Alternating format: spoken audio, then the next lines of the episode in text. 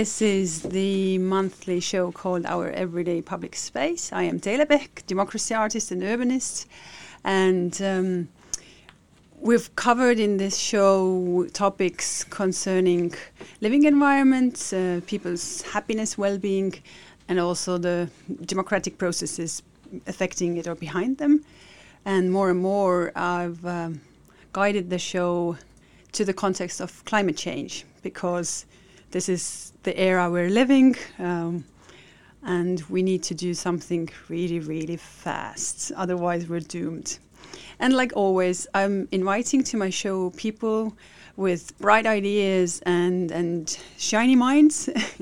and today, no difference. I have a guest, um, strategic designer, Jörn Frenzel. Welcome, Jörn. Taruchtus, good evening. Dobry wieczór. so let's stick to English. Yes. and we, with Jörn, we will uh, discuss about, um, well, the big context still is built environment, but let's take a more strategic um, look at it and let's try to figure out like how to not talk about like zero energy buildings or uh, electric cars, but let's talk about the big picture, the holistic view. Like what do we have to consider there and what not? And just as a reminder, uh, before in earlier shows we've covered already topics like um, um, paradoxes in uh, sustainable planning, um, biodiversity in cities, uh, segregation or preventing segregation in the era of migration, or all caused by or, or like uh, non not avoidable in the climate crisis. There are, of course, many other more topics to be covered, and this this will, what I will do soon. But so, if Jörn, uh, can you maybe start with uh, shortly describing your background, like your journey from from architecture and then where you've ended up now. Sure thing. So I'm, uh, I would call myself an architect and strategic designer from Berlin, and uh, so that means I'm, as an architect, I don't look so much at the solution and uh, the, the built building in the end, although I've worked in that sector also for at least 10 years. But it's more in the front end where the decision making process is taking place and what do you actually want to build? Uh, how do you want to build it and why it, do you want to build it at all? And so strategic design in that sense is would really be part or being part of the decision making process of the general public. Could be an open democracy process but it could also be the state or, or a municipality.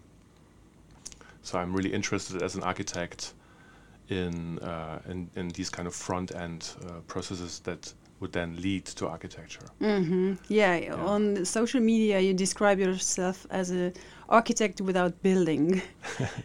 so yeah, there was a little pun maybe from uh, when I started uh, to study architecture in the 90s. So, you know, you must be thinking I'm really old, well into my 40s. And uh, so I. Um, when I started architecture in Berlin in the 90s, there was this book by Bernard Rudofsky, uh, Architecture Without Architects. And uh, so that, that took my interest, even mm. although I was studying architecture at that time. And uh, so I've always been interested uh, in why is something being built, what purpose does it serve, uh, is what's, what's, the, what's the purpose for the general good of society also.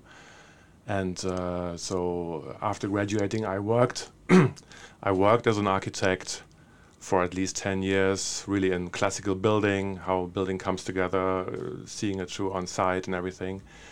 Uh, but then uh, more and more, I thought, you know, j- just you know, just yet another building doesn't doesn't solve our our global problems uh, that we have, and uh, these these problems are also too complex. Namely, you you named uh, climate crisis at the moment, or the state the planet is in that such a complex issue doesn't just stop with uh, zero carbon or you know you can extend that to bi biodiversity depletion of water resources uh, the loss of tremendous loss of arable agricultural land.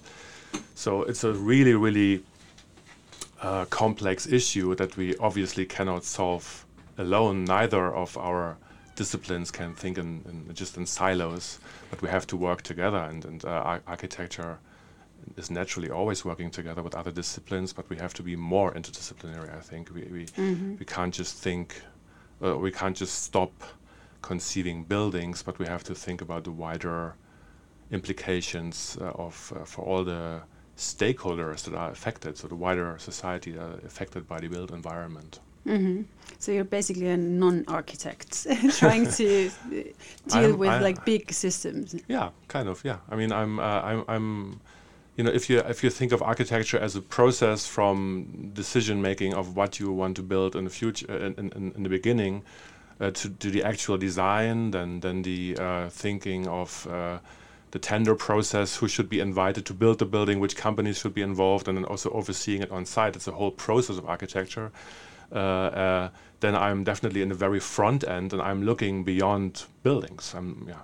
So I'm, I'm, still I, I, can still tell you a few things uh, uh, about buildings in the show, but uh, um, you know we have to we have to we have it's to not that um, interesting as the big, bigger picture.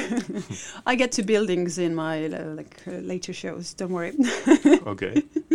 But uh, then, uh, as a strategic designer, where would you start then? Um, if if the facts are that one third of the CO2 emissions in the world um, actually are created by built environment, mm. by buildings, by roads, by uh, the materials used in them, by heating the buildings and all that.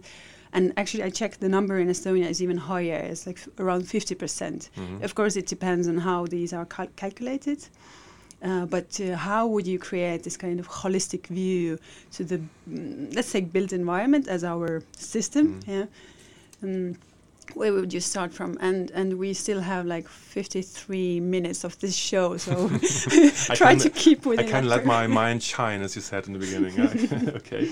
Um, well, I mean, first of all, I think you want to look at the uh, at the entire uh, life cycle of, of, of, of, anything we, we make and produce. And uh, so, if we talk about the built environment, that will be our cities and buildings. So, uh, I think uh, architecture and building has be has already become quite good at uh, making energy efficient building in in the phase of of the use of the building. So all the systems that uh, create comfort in a building, that make our buildings, that heat our buildings, cool our buildings, that ventilate them. Uh, these systems are pretty uh, efficient, and and we uh, the buildings are well insulated these days, and uh, you know it can still be a large deal uh, improved. But this is something, let's say, we are on track there. But uh, something which is not so often uh, looked at is the so-called embedded energy of buildings. Uh, so that is uh, that would be relating to all the materials mm-hmm. in buildings. Uh, what are you actually making the building of? Are you making it of concrete? Concrete is probably like the worst material you can use because it takes both co- uh, carbon to uh, to make and in the making process because you know making cement uh, is actually uh, getting carbon out of the mix and then you're also using a lot of energy to to, to make the actual uh, concrete in the end. So that that's uh, that's a very high uh, energy uh, and, and, high emission process. Um, so looking into what are our materials and, and buildings actually made of, where do the materials or the, the raw materials come from? Where are they being mined? How they're they being transported? uh, to the building site and, and how, how are the individual building components are being made. So this is all like uh, the, the, the, front end uh, embedded energy, gray energy. It can it can also be called. Uh, that's uh, and the the figures are actually there. They're varying figures as with the figures that you uh, stated before. How much impact the building in, um, industry has worldwide.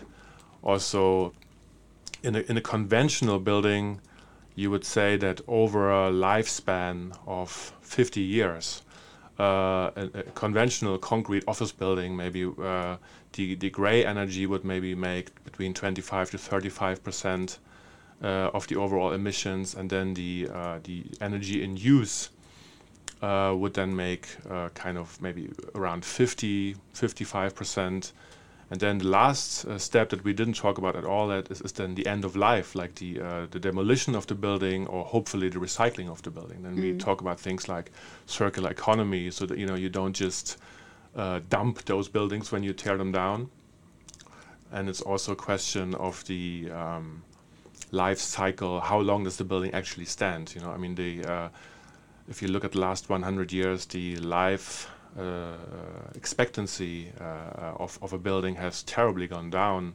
Maybe 100 years ago, a building would be built to last 100 or 150 years. Now, the average life in, in, in Germany, at least for an, for an office building, is somewhere around 30 uh, um, 30 years 30 years so that, that that that is uh, for new build building and that okay. that's terribly short so that that's like a throwaway kind of culture that we experience everywhere in our lives and that is obviously not sustainable so um, yeah i mean uh, i would definitely start at looking at this whole picture the whole life cycle from the gray energy the use of energy and the um, uh, end of life, the recycling. So that's the first step to be aware of this whole process.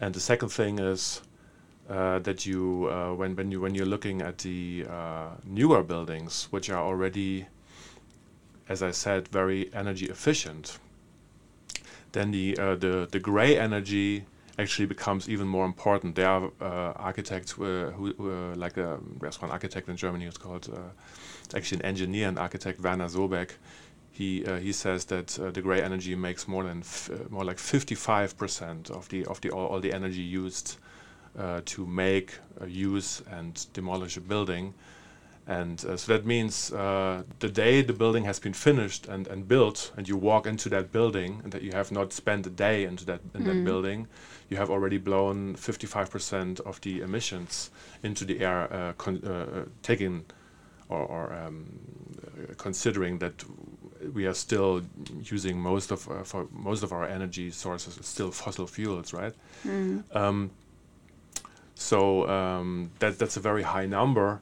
And then uh, the next thing is that these uh, that this amount of energy that you have used uh, uh, to only make this building without having ever used it. Uh, this is already locked into the global um, environment. So I mean, this, these emissions, they're, they're, they're staying there for a while. So if you again think about the whole uh, lifespan of the building, let's say it's 50 years, then these 50, uh, these 55% uh, emissions that you created to even make the building, they, they are hanging, they, they, are there for the next 30 or 50 years. Uh, they are in the environment. So um, looking into the um, gray energy becomes an ever greater uh, concern for me actually as an as an architect.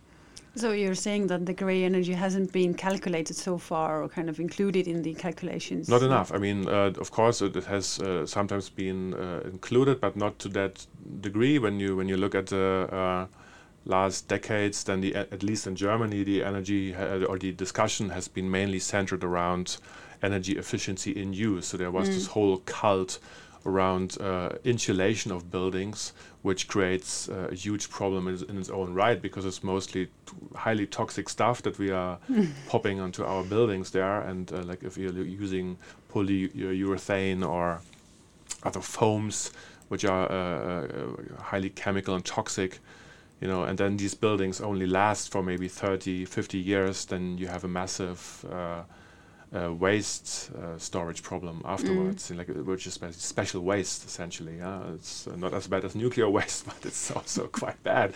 And and so uh, uh, you're kind of uh, with with this kind of technical um, um, approach, you're creating another problem, and th this is actually another another issue that I would like to make listeners aware of.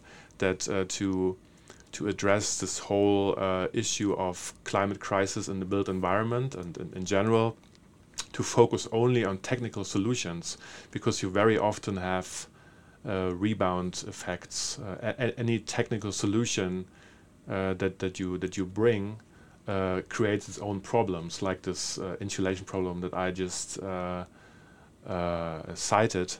Uh, to, give you another example, uh, when the when the first uh, industrial revolution happened um, in England, uh, the steam engines and everything was mainly run on, on, on wood because you know the, and, and, things were built with wood, houses were built with wood and and uh, and stone, and uh, so wood and, and forests were under such pressure And to the present day, uh, landscapes like the lake districts, they're gone. You know, there's no forest or hardly any forest left anymore. That, that comes actually from that time. And at that time, the people thought, okay, we can't use that much wood anymore. So what what uh, uh, we need some alternative energy source, and guess what they introduced? Uh, mm-hmm. Stone coal. So I mean that that was actually introduced as an uh, ecological alternative. Or actually being the most polluting one. Yeah, um, which now, as it turns out, uh, you know, has become the most polluting one, uh, one of the most polluting ones, and um, so every tech. So you, we can't just look at look at it with purely technical minds. Mm but uh, yeah, another call for a more holistic uh, view on on uh, on how we actually address this issue. When when we uh, at, at the moment in our discussion on uh, climate change in the built environment, it, it's very centered on this carbon issue. Yeah, that, that we should lower our uh, our carbon footprint of our buildings and our uh, cities, which is completely correct to do so. But if you only think uh, about uh, the carbon, then then uh, you you forget about all the other issues like uh, biodiversity, mm. uh, water, etc., etc., and also the um, uh, this addressing of carbon as a technical issue is is really kind of um, ring fenced in in, in, in, in, in its meaning. What do you mean by that? That uh, the uh, the um, if if we get more uh, efficient in, in, in, carbon, but at the same time, for instance, our flats get bigger and bigger. For instance, in, in Berlin, uh, an average person uh, in the 50s would live on maybe 30 square meters per, per head. Now it's something like 50 square meters. And, you know, I, I guess in the, in the States, for instance, there's a lot more because people like to have these big houses in mm. the suburbs. So uh, if you uh, reduce carbon on one end, but you expand your your consumption and, and your your lifestyle on the other hand then then this is kind of the the the, the sum might be zero or even negative mm-hmm. yeah? so we have to uh, uh, um, keep the whole picture in mind that uh, that yes we do reduce carbon uh, uh, but also uh, check whether our lifestyle is in tune with a with a net zero um, goal, basically. Yeah? Mm. That that uh, is is it really necessary to have these uh, big apartments? Uh, would it would it uh, also be possible to have a higher quality of life uh, with uh, with with the different kinds of apartments? So may maybe I can give you an example from Berlin. There is one in housing, there are really interesting uh, um, experiments uh, happening at the moment, which are actually supported by the by the state and also by the Berlin municipality. They they launch competitions and they fund some of these projects uh, to find new ways of living. And there's uh, uh, one one project which is called uh, Spreefeld, and uh, it consists of uh, three mini high rises. And the concept of most new ones? Of, they are pretty new. They were built. I, I, don't know when they were actually finished. It's, it's around 2015 or something okay. like that. And um, uh, and and a lot of these uh, flats that they are using or that they have been designed in, in these uh, high rises, they're actually minimizing individual space and maximizing communal space. So you would have maybe a very small apartment, 30 square meters or 40 square meters. But this uh, apartments, uh, you can close the door if you want to have your privacy, mm. but you open up this door and and um, you enter into a communal space with a big kitchen where people might cook together. So you know this is something that not everybody wants, mm. but uh, this can I think for many people this has proven a great uh, uh, quality of life, and uh, it's it's just uh, another way uh, how you can how you can lead your life and have a have a better quality of life and maybe possibly a better impact on the environment. Mm-hmm. Yeah, let's get to the kind of urban settlement um, mm-hmm. after a short music break. Yeah. But just uh, to uh, reading suggestion to everyone, there's this um, a huge book written by the science um, journalist called Gaia Vince, and she's written um, adventures in Anthropo- Anthropocene, Seiklused mm. Anthropocenis, mm. is also in Estonian available. And uh, yeah, she also uh, takes cities as a kind of resource that we have on planet as the most sustainable way of habitat for people actually but let's get more into that after this, um, check this musical this break. break.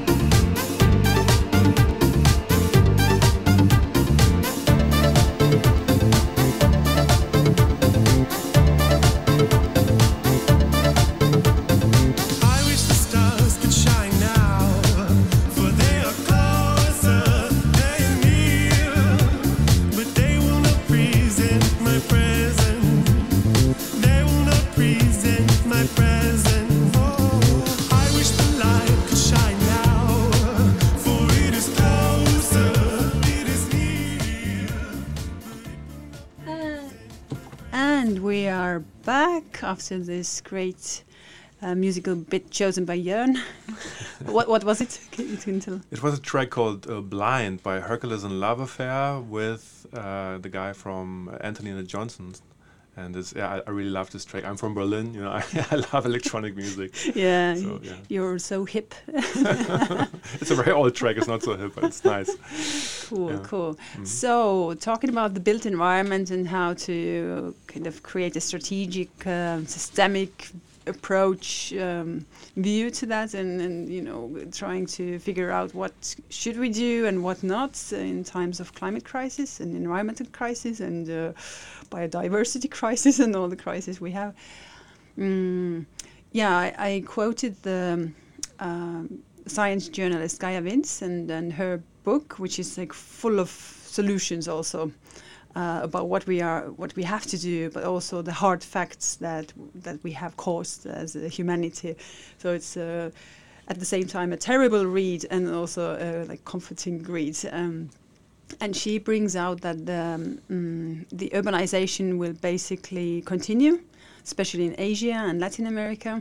But the challenge there is to create sustainable cities, and, and you cannot create them from scratch. You know, there are urban settlements already, but how to then turn them more, um, or how to make them more corresponding to the requirements of the Anthropocene. So mm-hmm. basically, mm-hmm. make them. Um, turn them into like recyclable and and uh, yeah give people not that much space, but use all the spaces that are available there already. You know, not not leave any space empty and use rainwater for I don't know flushing the toilet and you know things like that. So it's from heating uh, to kind of everyday life uh, mobility issues as well. So. Uh, focus on public transportation and not that. So if we take the view more from buildings that you talked before, so to the kind of um, a city as the uh, unit. What's your view here? How, where to start with fixing the cities?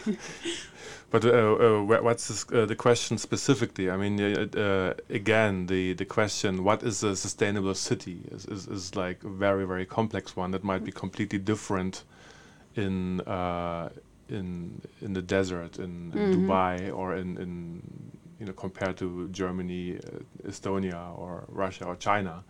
So I don't know uh, where where to start. I think there are some general um, principles like density and uh, inclusivity that uh, people can actually feel that they are uh, that they that they have public space there that they can use that you know maybe there's a mobility concept where you don't have to drive necessarily that far to work, but there's actually workplaces there, and uh, but increasingly, I think one very universal topic that comes to uh, to mind is um, that that cities have to embrace a kind of inclusion of nature. That that you, uh, uh I think, modernism and and uh, modern architecture, modern town building was very much about uh, the separation of functions and very much also like a, uh, a park was just another function you know it was mm. an another pasture in, in uh, amongst buildings a nice thing to have your view yeah yeah something like that or, or that uh, you, you might use for a lunch break but mm. Uh, it's not, not necessarily such an important space but uh, the um, the uh, basically destruction of the division uh, between nature and, and man-made built environment. Uh, th that that would be a very important goal. Mm -hmm. That there's more of an in, instead of a of a very strict border and, and line between nature and uh, and the built environment, there should be more of an osmosis.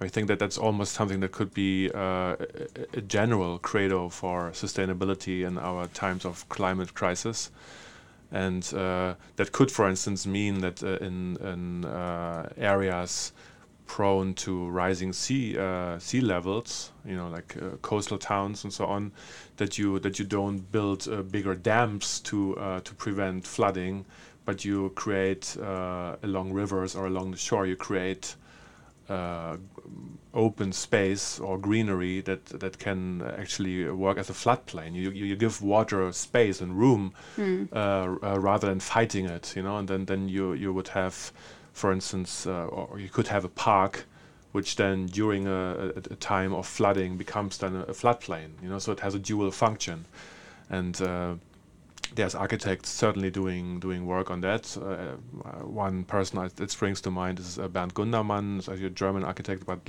long living in uh, in New Zealand. So he has done with uh, with his company has done a lot of work on that. Um, so basically, adjusting to climate change, yeah. Adjusting, yeah, that's yeah. It's it's more like adjusting to climate change.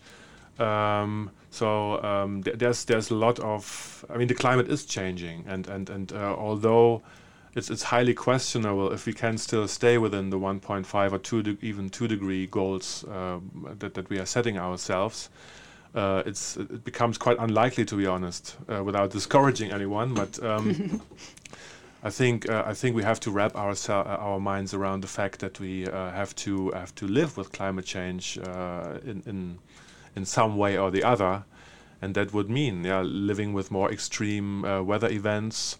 It would mean with uh, rising water levels. It, it would also possibly mean that given the fact that uh, the climate uh, is really hitting the tropical zones and aridification is really progressing there that our food security which is also an important thing in cities mm. uh, is not absolutely guaranteed anymore so you know when uh, there are uh, scientific um, peer-reviewed researchers at the moment that within a time frame of 30 to maximum 50 years that uh, we, we literally run out of arable land on, on, on, on the planet in sizable numbers. So we, we, we, literally don't have land left anymore to produce food. What, uh, wh what do you do then? So I mean, then then we, we have maybe eat insects. Yeah, maybe we have to start eating insects, or or, or uh, there's a company just uh, across the uh, the, uh, the, the sea here in Finland solar solar foods I think they're called in mm. Helsinki. They make uh, a flour out of uh, from bacteria and and, and mm. water. -hmm.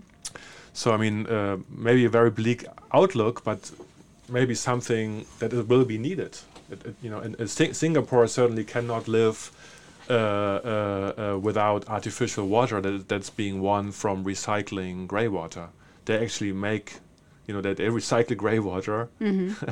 and and make drink uh, potable drinking water from it and, mm-hmm. and uh, Singapore would not be able to survive without that and and there is uh, that's yet another issue for like uh, water security Uh, ever bigger parts of the of the planet uh, are not uh, cannot be guaranteed to have sufficient water in the future. Countries like Iran that's so on the news at the moment they rely to more than 40% of the agriculture on uh, deep water aquifers, which are being uh, depleted at the moment. So in a, mm. in, in, in, a few decades, very short time frames, these countries are out of water.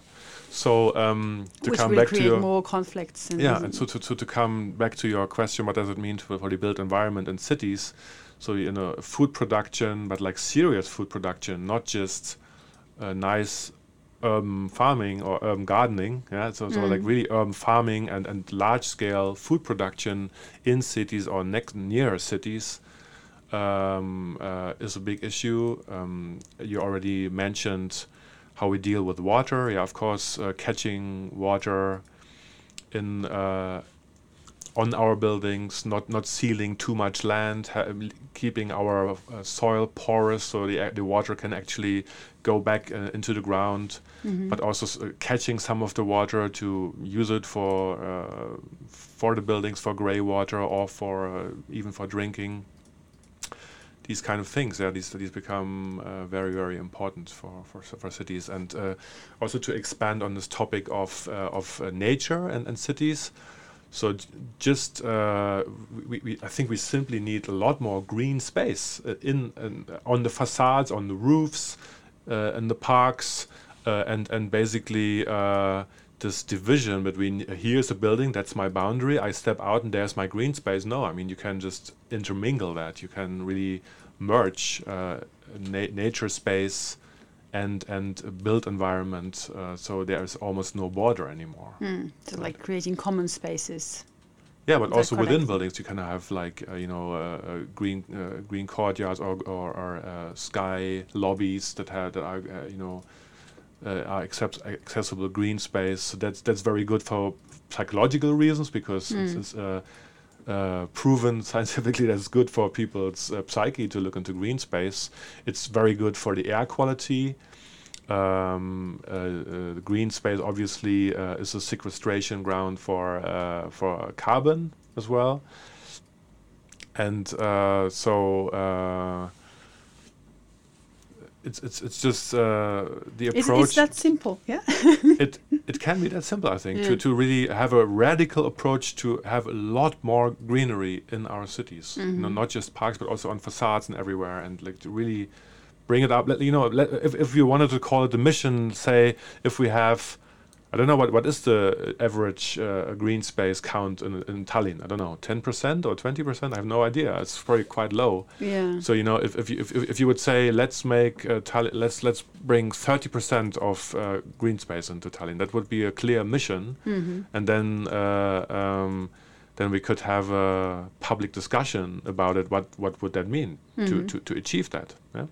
Mm-hmm. Like in Copenhagen and m- maybe in some other places in Denmark, also the public health and, and good urban living environment, uh, one of the measurements is also green space needs to be in 500 meters of proximity from each uh, person's, like each mm-hmm. inhabitant needs to have. Mm-hmm. And also they measure the time that the people spend outdoors. So, so you know, it's connected. If you have good spaces, you are more likely outside, even if it's raining or even if it's a bloody muddy winter mm-hmm. that we are facing more and more in Estonia due to climate change also.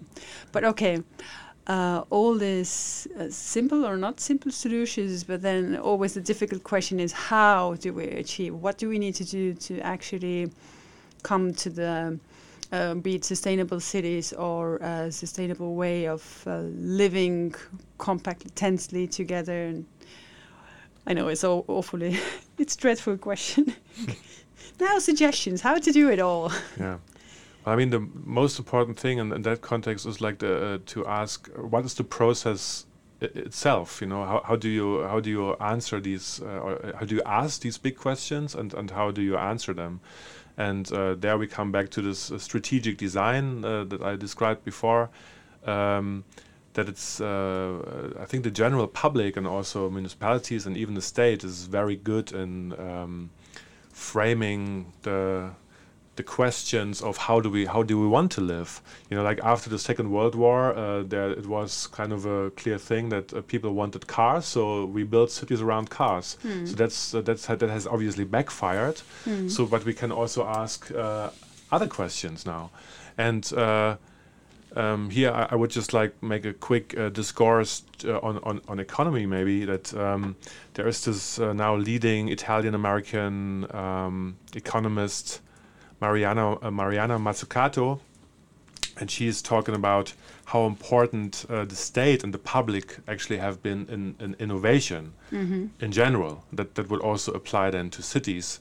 That uh, it's it's a widely that, that she really showed it's a widely held myth that the uh, that only the private sector is innovative, and, and she really dissected, for instance, the iPhone. That of course uh, the uh, uh G Steve Jobs was a super visionary and savvy businessman, and and his uh, uh, his contribution to to product innovation, marketing, and just creating great products is undisputed. Although there are uh, ecological footprint might be very well disputed, but that's another question. As a, as a, as a innovative business person, and, and Apple as a company is a very innovative company, but one tends to forget that these innovations are actually based on other innovations that were uh, solicited by the state. So, for instance, the internet itself. I mean, the iPhone would not work without the internet, and the internet uh, is, is, actually uh, based on the ARPANET, which was uh, uh, uh commissioned by the U.S. military. Uh, so it's a, it's a state product, a state project. Or, or this Mariana Mazzucato, she gives the example of the Apollo mission to fly to the moon. Mm. Yeah, and and this mission by was also set out by the state. They wanted to win the, the, space race with the Russians. They said, "Let's fly to the moon." That was their mission, and uh, to that mission, 300 different projects contributed to that. That was like projects in textile industry, in computing science, in, in nutrition, medicine, uh, you, you name it. And these were, of course, then like private companies. But you know, and the same thing I would call for cities on, and for the built environment that uh, um, that the uh, the general public should come come together to formulate these missions. You know, one mission uh, could be, for instance, let's make uh, Tallinn. Uh, uh, Great again.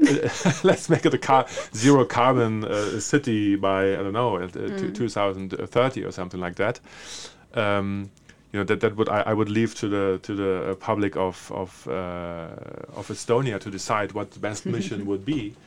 But you would you would have to formulate these missions and then have architects and and uh, other disciplines, uh, data scientists, uh, your very uh, innovative uh, internet uh, scene here and, and, startup scene in Estonia, you know, to to come with come up with solutions for that. But first of all, I think, yeah, the, the, general public has to come up with these missions that mm are, mm-hmm. and these missions have to be very bold and and, and inspiring you know, so so people say, you know, yeah, we uh, that, that's kept captivating our minds. We wanna we wanna go ahead with that. So maybe you know, like uh, one one in Tallinn, one issue that uh, keeps on popping up is that uh, many people are really uh, fed up here with the amount of car traffic. So it could be a very clear uh, mission for you as a city to say, how can we cut individual car traffic by 20% within the next five years. Mm. Hey, let, let you know, go. yeah. And then and then and that, that's not just uh, a question of uh, uh, ordering people to do that because that would then restrict also people's freedom. Many people also need cars, especially in Estonia and in, in the rural mm-hmm. areas that you know where the public transport is not so great. But if you put that out as a mission, then then you can uh, unite the different disciplines to then say, okay, how might we actually achieve that? Do we need to uh, up our uh, public transport system, or, or can we can we come up with very clever apps from the IT sector to uh, share rides, or you know, mm. I mean, what how, how can we how can we achieve that? Mm-hmm. But the, we have a uniting mission worldwide. Mm-hmm. It is the climate crisis, actually. Yeah. But it's such a big and impossible piece to you know swallow. Yeah. So you're saying that uh, from strategic design point of view, we should take like smaller, maybe local, more local missions, like corresponding. Well, I mean, uh, I mean the, uh, the the mission to uh, for I mean uh, in Copenhagen at the climate conference, the world has taken a mission to be. Uh, you know, to, to lower its its, its carbon footprint by 2050, so that that is a mission itself. But mm -hmm. it's mm-hmm. as you say, it's a very big one, and and I think there are very different approaches how to get there and I'm arguing that uh, achieving that uh, just uh, uh with, for instance, uh, uh, e-mobility, which is, is, is, is going to be not enough because e-mobility also relies on. Do you mean electric? Yeah, electric, electric vehicles. Yeah. yeah. I mean that's uh, pushed very much at the moment uh, in Germany by the car mm -hmm. industry. So uh, it's it's a good move to reduce emissions, but you uh, you will have uh, we will, we will not succeed in the overall goal to help the climate crisis if we don't then all, uh, not solve the issue of having less cars on our streets, which is obviously not the uh, incentive of the car industry, but it's also not their their job. I think you know it's not the job of a chocolate factory to, to tell people eat less chocolate, you know, and it's it's, it's not the uh, it's not uh, the uh, job of an architect to to tell people build less buildings, but of a strategic designer. I think then uh, I think you can you can uh, say as architects we can also uh, deploy our skills not only to making great buildings, which have a you know build more, build simpler, build with less uh, gray energy, as I explained in the be beginning, uh, building with more wood or something like that. Uh, but uh, but also uh, um, consider the the an entire picture of, of mobility. If, if you build a building, also consider how people get to that building, mm-hmm. or where does the energy come from? Is the building a healthy building? Uh, all these kind of things. So I think uh, um, you can um, pro- probably uh, the individual businesses and trades which are providing the solutions. They are not not the best ones to open up the questions that we need to ask. So if we if we narrow down our our uh, um, conversation on climate crisis only to carbon, I think that we will not be successful. And if the uh, um, uh, yeah, I, I, pick up this uh, example of the uh, automotive industry again. if we don't solve the problem that the batteries in that car are also, you know, using very toxic materials, appalling working conditions that are being produced with, and also uh, they have a quite lot, a short uh, uh, life expectancy. Also, these batteries. So again, like with buildings, you ha has to also look at the uh, entire life cycle mm -hmm. here, mm-hmm. and and, and ask where does the energy actually come from? Where's the, where does the actually energy come from? and and so you have to to always look at the at the bigger picture. Mm -hmm. to to really double check: are, are, you really on on track of of, of bringing bringing carbon down? Okay, so you were saying that the the first maybe the process should be defined and designed to kind of enable different missions to pop up. But the, these missions they should be defined by the public sector, right? Yeah, Did I, mean they, they, could they could come uh, like uh, you know you could you could have uh, like uh, public calls, you know, mm like uh, you could say uh, you know what what are the very important questions that, that we need to address. But uh, the state itself usually knows. I mean, like uh, uh, when when they when they decided in the U.S. to do the ARPANET and the in the predecessor of the internet, you know, I mean, there was some need there. It was a complete, it was a military need, mm. of course. It was something completely different, but the state identified that innovative, uh, that uh, innovative need uh, for, for, for for such a for such a system, and so if we address the, the issue of, of climate crisis and, and um, zero carbon, for instance, in, in the same way, you know, and, and asking, okay, how, how, how can we bring it down? How can we, and is that the only issue? Uh, then uh, I, I'm sure there's enough people with knowledge. You know, it's not for me or for you to answer that as mm an mm-hmm. individual. I think uh, we are living in, in, the age of internet. You know, I mean, like uh, uh, everything is is uh, the knowledge is, is distributed. It's there, and there's so many educated people in Estonia and and everywhere around the world. So it's not about coming up with recipes, mm. but I think it's about uh, identifying a goal and a mission, and then bringing together the right people to to to, to fix this and to solve this. Mm -hmm. So kind of facilitating the process also. Yeah. Facilitating is, is, also important but you know first of all like to, to uh, I, I, would like to emphasize uh, the the role of the general public and also the state and the municipalities to to have to, to be self-confident and then have the role and to say you know we are a very important factor for innovation mm-hmm. and and uh, solving the climate crisis uh, if it can be solved. I, mean, I, I expressed my my doubts before, but uh, at least uh, uh, achieving significant progress. Um, I mean, you know, achieving that would be innovation itself. That would be the ultimate inno- uh, ultimate innovation I could think of at the moment. Huh? Yeah, yeah. But if you consider um, individuals or some communities, or what's the role of people, or like kind of um, behaviors and our culture? Well, I mean, you you can you always should uh, exert your role as a as a citizen, you know, and not not just uh, in in votes, you know, because that's like every few years you throw your vote into the ballot, so that's uh, not not enough. But um, yeah, to to get in, uh, involved in open processes and in uh, also pushing, of course, your leaders uh, uh, to to ask uh, to ask the right questions. You know, to uh, if if if it is uh, proclaimed, hey, for our energy security, we need oil shale mining. You know, then there there should be some people questioning that, but but not so much. Um, from a from a only protest and uh, point of point of view, that would be maybe a little bit my criticism on this uh, whole uh, Friday for Fridays for Future thing. I mean, in the end of the day, it's a protest, and protest always comes from a from a uh, from a position of actually lack of power. It's it's it's a, mm. it's, it's a cr- often a cry. I mean, if, if you if you look uh, or watch Greta on TV and all these young people, it's a cry of despair. And there is uh, certainly a reason for uh, environmental anxiety, uh, what, what you call it before.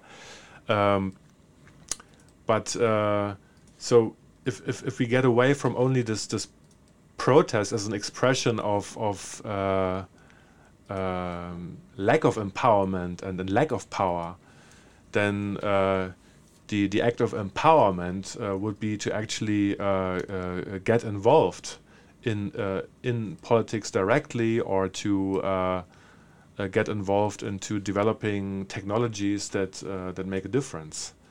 So I, I know architects who essentially don't work so much only as designers anymore, but they work as politicians. You know, they, they said, okay, if we want to uh, uh, build our cities differently, we have to change building law here and there. Mm. That's also something I remember you, for instance, were involved in, in, in the past with Linnalabor here in uh, in Estonia. So to uh, to uh, inform citizens uh, about how the building um, uh, system and, and the uh, planning sector works so they can make decisions themselves. Mm-hmm. But sometimes give them tools. You know, you give them tools basically. So. Yeah, yeah, yeah. But you were mainly talking about people that are aware and active on some scale. But what about those people that you know? I'm living my everyday life. Um, you know, climate change doesn't concern me. Uh, I don't see the CO2 emissions coming from oil shale. well, I mean, what what can you do? I mean, I mean, if, if, if people decide to to think this this doesn't concern them, I think very soon they will find out that it does concern them. I mean, e even here in Estonia, I think uh, it was either 2019 or 18, in this very dry uh, summer, uh, Lithu Lithuania called uh, a state of emergency for agriculture. So uh, in that year, agricultural production slumped by uh, 30%, I think. It was extreme. In mm -hmm. Germany, it was something like 15, 20%, but here it was 30, 35%. Don't know about Estonia, uh, but uh, that was uh, for, the, for Lat Lat Latvia and Lithuania. And, and um, so it's, it's really not that abstract anymore. It's not like, you know, these problems. Uh, uh, rising sea levels, uh, rising temperatures, uh, storms, desertification, that's only something of the global south. No, it's something that, that really uh, comes quite close to our doorstep, uh, very close, actually, too close for comfort. And uh, as soon as uh, the prices for uh, uh, food and for heating and, and for car petrol rise, then people will, you know, notice that, it does, that it does affect them. But I mean, I, to your question, how, how can you engage people? I mean, if, if people don't want to be engaged, then, then there's I don't see how, how it, it always needs uh, uh, people who take you know uh, the first steps and, and mm. at, at, the moment this is not a uh, you know you're not an outsider anymore you know on the contrary at the moment uh, uh, uh, the climate crisis, uh, climate crisis is, everywhere on, on, on, the media, and it has become a very big movement. so, but still, studies show that Estonians are not environmentally aware. We love our forests and swamps and mm -hmm. you know, seaside, but we think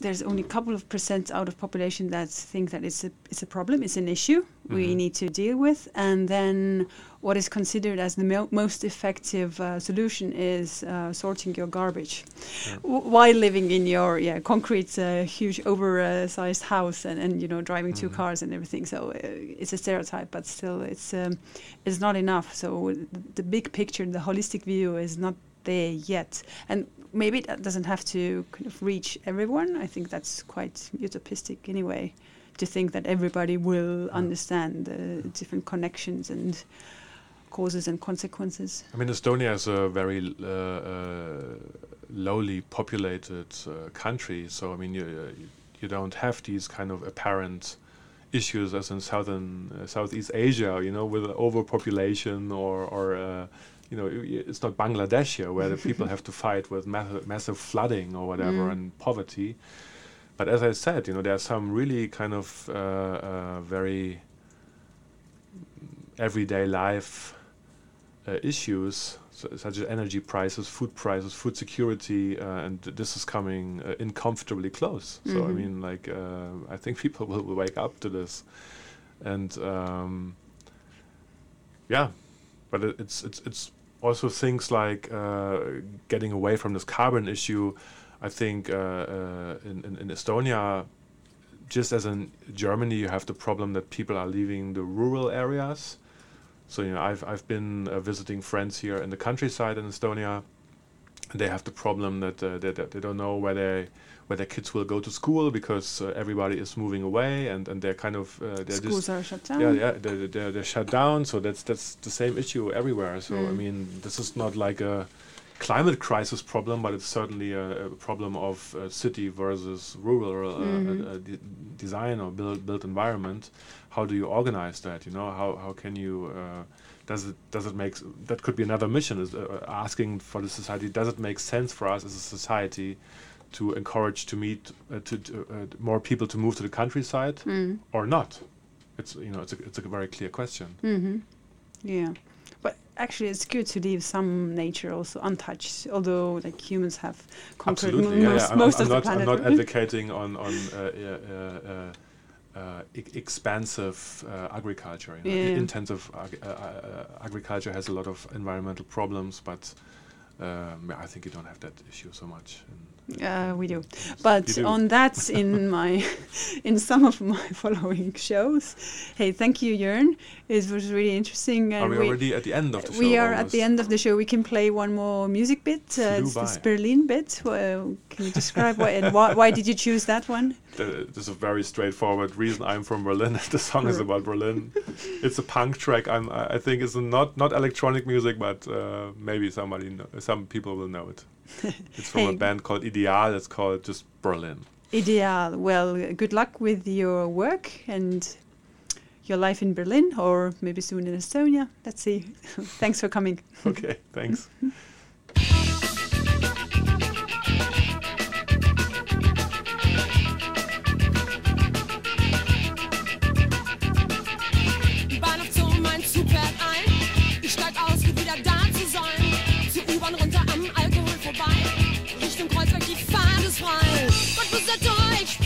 Carrefour, zwei Kontrolleure, einen Betrug. Im ersten Affenzahn die Rolltreppe rauf. Verdürfen halten die Beamten auf. Orange oh, Straße, hier lebt der Koran. Da hinten fängt die Mauer an. Mariannenplatz rot verschrien. Ich fühl mich gut, ich steh auf Berlin. Ich fühl mich gut. Ich steh auf Berlin. Ich fühl mich gut. Ich steh auf Berlin.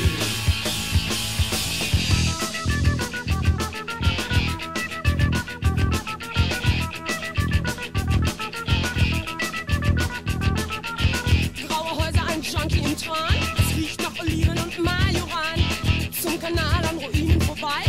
Da hinten das Büro der Partei auf dem Gehweg Hundekot. Ich trinke Kaffee im Mann und Rot.